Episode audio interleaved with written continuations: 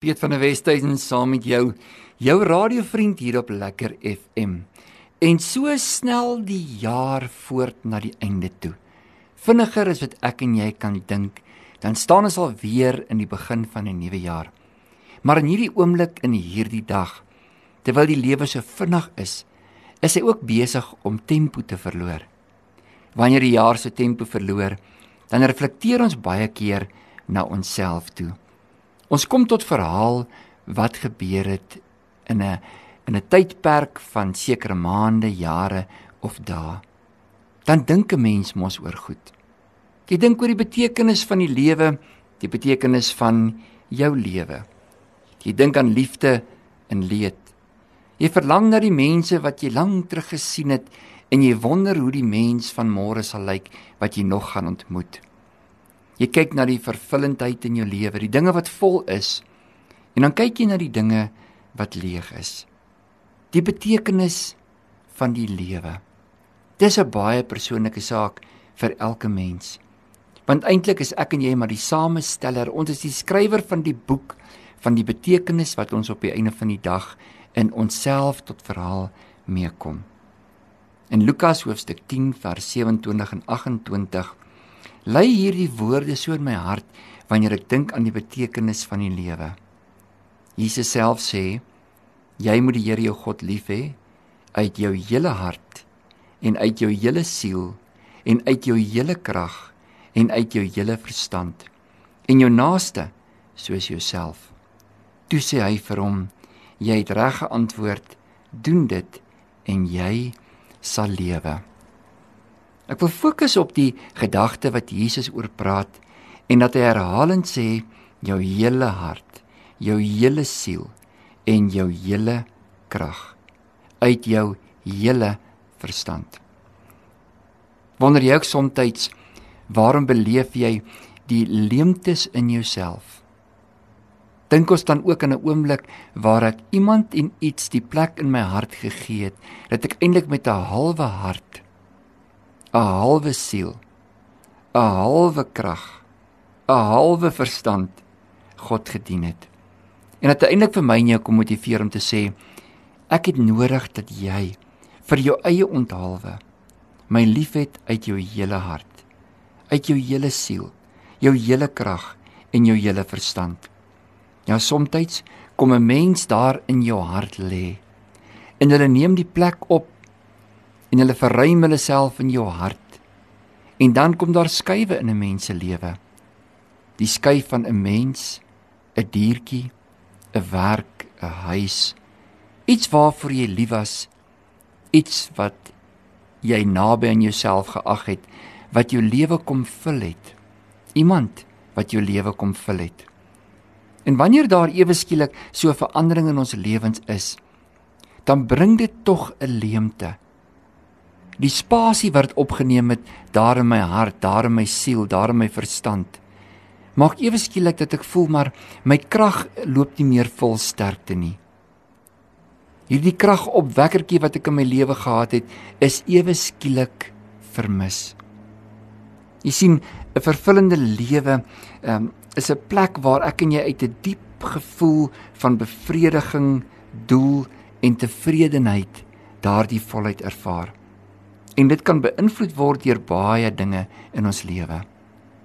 Van tyd tot tyd gaan mense verander in jou lewe. Seisoene verander. Selfs die dinge wat jy gedink het, ja, hierdie ding is nou die utopia in my lewe.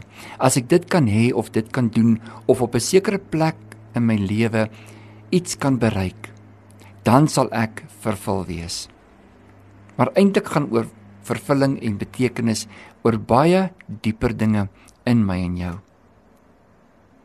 Daardie vervullende lewe, daardie diep gevoel, daardie bevrediging en die tevredenheid word bepaal op die einde van die dag deur wat ek en jy maak met die kernwaardes wat in my en jou is. Wanneer ek die gevoel van egtheid en innerlike harmonie verloor, dan het ek eintlik 'n stukkie van myself verloor. En soms vind ons onsself in ons prestasies, ons vind onsself in ons besittings. Ons vind onsself in drome en ideale, Ons vind onsself in ambisie. En ewe skielik wanneer daardie daardie wil ek amper sê valse geluk teleurstel, dan beleef 'n mens ook ewe skielik, maar maak my lewe nog sin? Wat doen ek nou? Ja, die kinders is ewe skielik uit die huis uit. Of ewe skielik gaan ek op pensioen. Ewe skielik het ek verhuis en almal wat om my was en dit waarmee ek my lewe geokkupeer het en gevul het, het nou verander. Dan moet ek besef ek mag dalk vir 'n oomblik 'n gevoel ervaar dat my lewe nie meer sin maak nie of ek nie meer vervuld is nie of ek nie meer wil aangaan op hierdie manier nie. Jy sien, wanneer ons Jesus 'n plek gee in ons hart, dan wil hy ons hele hart hê sodat jy altyd daardie betekenis van jou lewe terug sal verwys na hom toe. Selfs al stel mense jou te leer, al verander jou omstandighede, al word daar iets of iemand uit jou lewe uitgeruk, as jy nie daardie Jesus anker in jou hart het en jou hele hart op hom kan vertrou deur daardie tyd nie, dan sukkel mense en jy bevraagteken die sin en die betekenis van jou lewe. Somstyds voel 'n mens of jy jouself verloor het. Waarna toe nou? Wat is nou volgende? Hoe moet ek nou my lewe leef met hierdie verandering wat ewe skielik ongevraagd in my lewe plaasgevind het? Jesus roep jou vandag om vir jou te sê jou hele hart beteken dat soms gaan daar goed weg uit jou hart uit sodat jy die leemte kan ervaar daarvan om te weet waarom my 'n nuwe plek in jou lewe te kan gee. Daar's niks fout om vir mense lief te wees nie. Daar's niks fout om om daardie spesiale tye met iets of met iemand te deurloop in jou lewe nie. Geen probleem daarmee nie. Dis wanneer daardie dinge 'n belangriker plek in ons okkupeer, wanneer dit 'n plek ingeneem het wat eintlik God se is dat my gedagtes nie gebaseer sal word op net my persoonlike ervaring oor dinge nie maar dat my ervaring altyd gemeet word aan die beginsel van sy teenwoordigheid die krag van sy teenwoordigheid want wanneer ek hom het selfs wanneer dinge verander selfs wanneer daar 'n verlies is aan 'n iemand of 'n iets in my lewe dan kan ek altyd teruggeduins. Ek kan altyd terugval. Ek beleef nog steeds die konstantheid, die deurlopendheid van die liefde van God. Is ek hartseer? Ja, is ek ongelukkig? Ja. Het ek vir oomblikke teleurstelling verseker, maar ek deel daarmee uit die groter deel van my hart wat ek dan vir God gegee het. As die kleiner deel van my hart aan hom behoort, dan is dit wat die groter deel was te oorweldigend vir my dan sukkel ek as mens. Ek kry nie weer my balans herwin nie. Ek kry nie weer die die begin van sin en betekenis en 'n nuwe ritme hoe om hierdie leemte wat ek ervaar en wat ek beleef in my lewe te kan vul nie. Ons almal gaan deur sulke tye. Ons almal beleef iets van tyd tot tyd. Ervaar iets. Sommige van daardie dinge wat ons ervaar, het ons oor onsself gebring omdat ons een of ander onwyse besluit gemaak het. Miskien omdat ek hardkoppig was, miskien was dit net suiwer onkunde gewees en ek het myself in die middel van 'n krisis in my lewe gedompel. Partykeer doen ander mense dit. Somstyds doen ander mense dit uit moedswilligheid uit of kwaadwilligheid of partykeer onkunde. Ja, mense kan jou onskuldiglik ook te nakom. Nie almal wat jou te nakom het 'n intensie om jou te wil seermaak nie. Somstyds doen mense uit die onskuld van hulle eie hart dinge wat 'n skuldgevoel in jou hart kan ontlyk. Daar kan iets in jou hart begin dat jy iets interpreteer en dink maar hierdie persoon het dit moetswillig en kwaadwillig gedoen. En dan beleef jy in daardie teleurstelling kan jy dalk 'n woede beleef. Jy beleef dalk vir 'n oomblik ek sal nooit weer nie of ek gaan nooit weer nie. En dan okkupeer daai ding jou hart.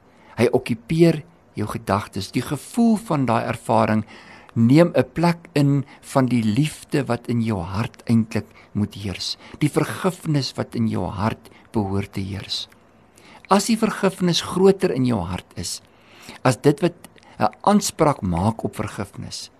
Wanneer die onvergifnis aan jou hartsdeur kom klop en vergifnis woon daar, dan kan hy die deur oopmaak. Maar as vergifnis 'n klein seentjie is en onvergifnis 'n groot volwasse man en vergifnis maak die deur oop vir onvergifnis, dan kan hy oorrompel en oorval word. Weet vandag jou hele hart behoort aan die Here. Maar is net jy wat dit vir hom kan gee. Dis net jy wat jou gedagtes aan hom kan oorhandig om te sê Here, hier is my hele hart. Here, hier is my hele verstand.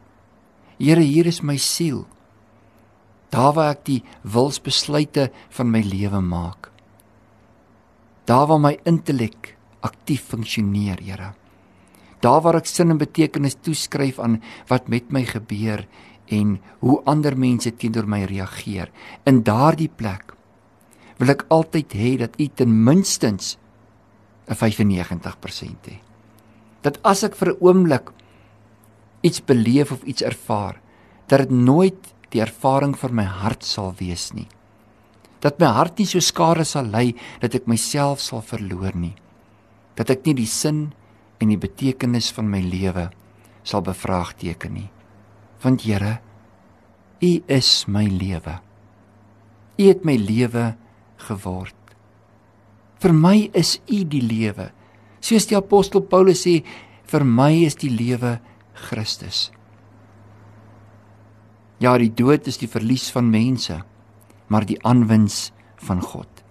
En wanneer ek in jou skoppe neerlê in hierdie stof van die aarde, dan stap ons eintlik oor na 'n plek toe waar ons ook ons taak wat ons gekry het om hier op aarde uit te leef, die volëinding daarvan terug te kan gee aan God ons Vader. Daardie eenheid wie ons kom.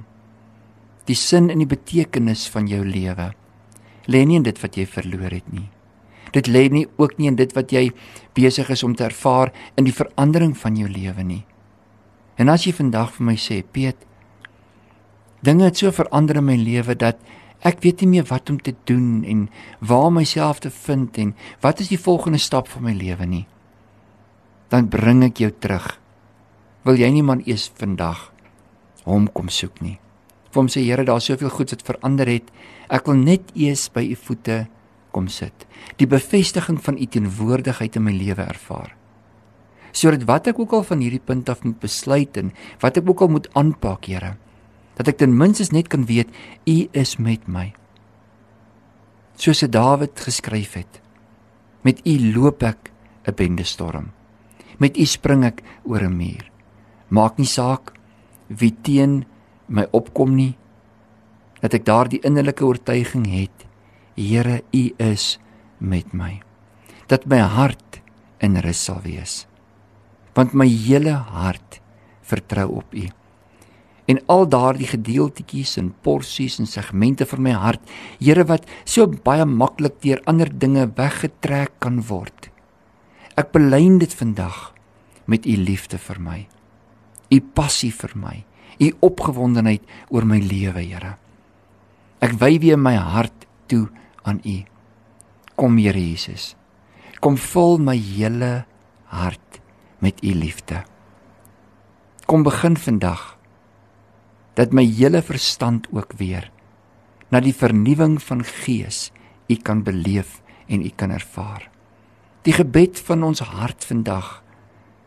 Ja Here, ek kom bid hier saam my vriend en my vriendin dat u Vader sy hele hart, haar hele hart vandag weer kom doop en die doopbad van u liefde, die versekering, die hoop wat nie beskaam nie, die liefde wat sê die dag van môre is joune en myne, my kind.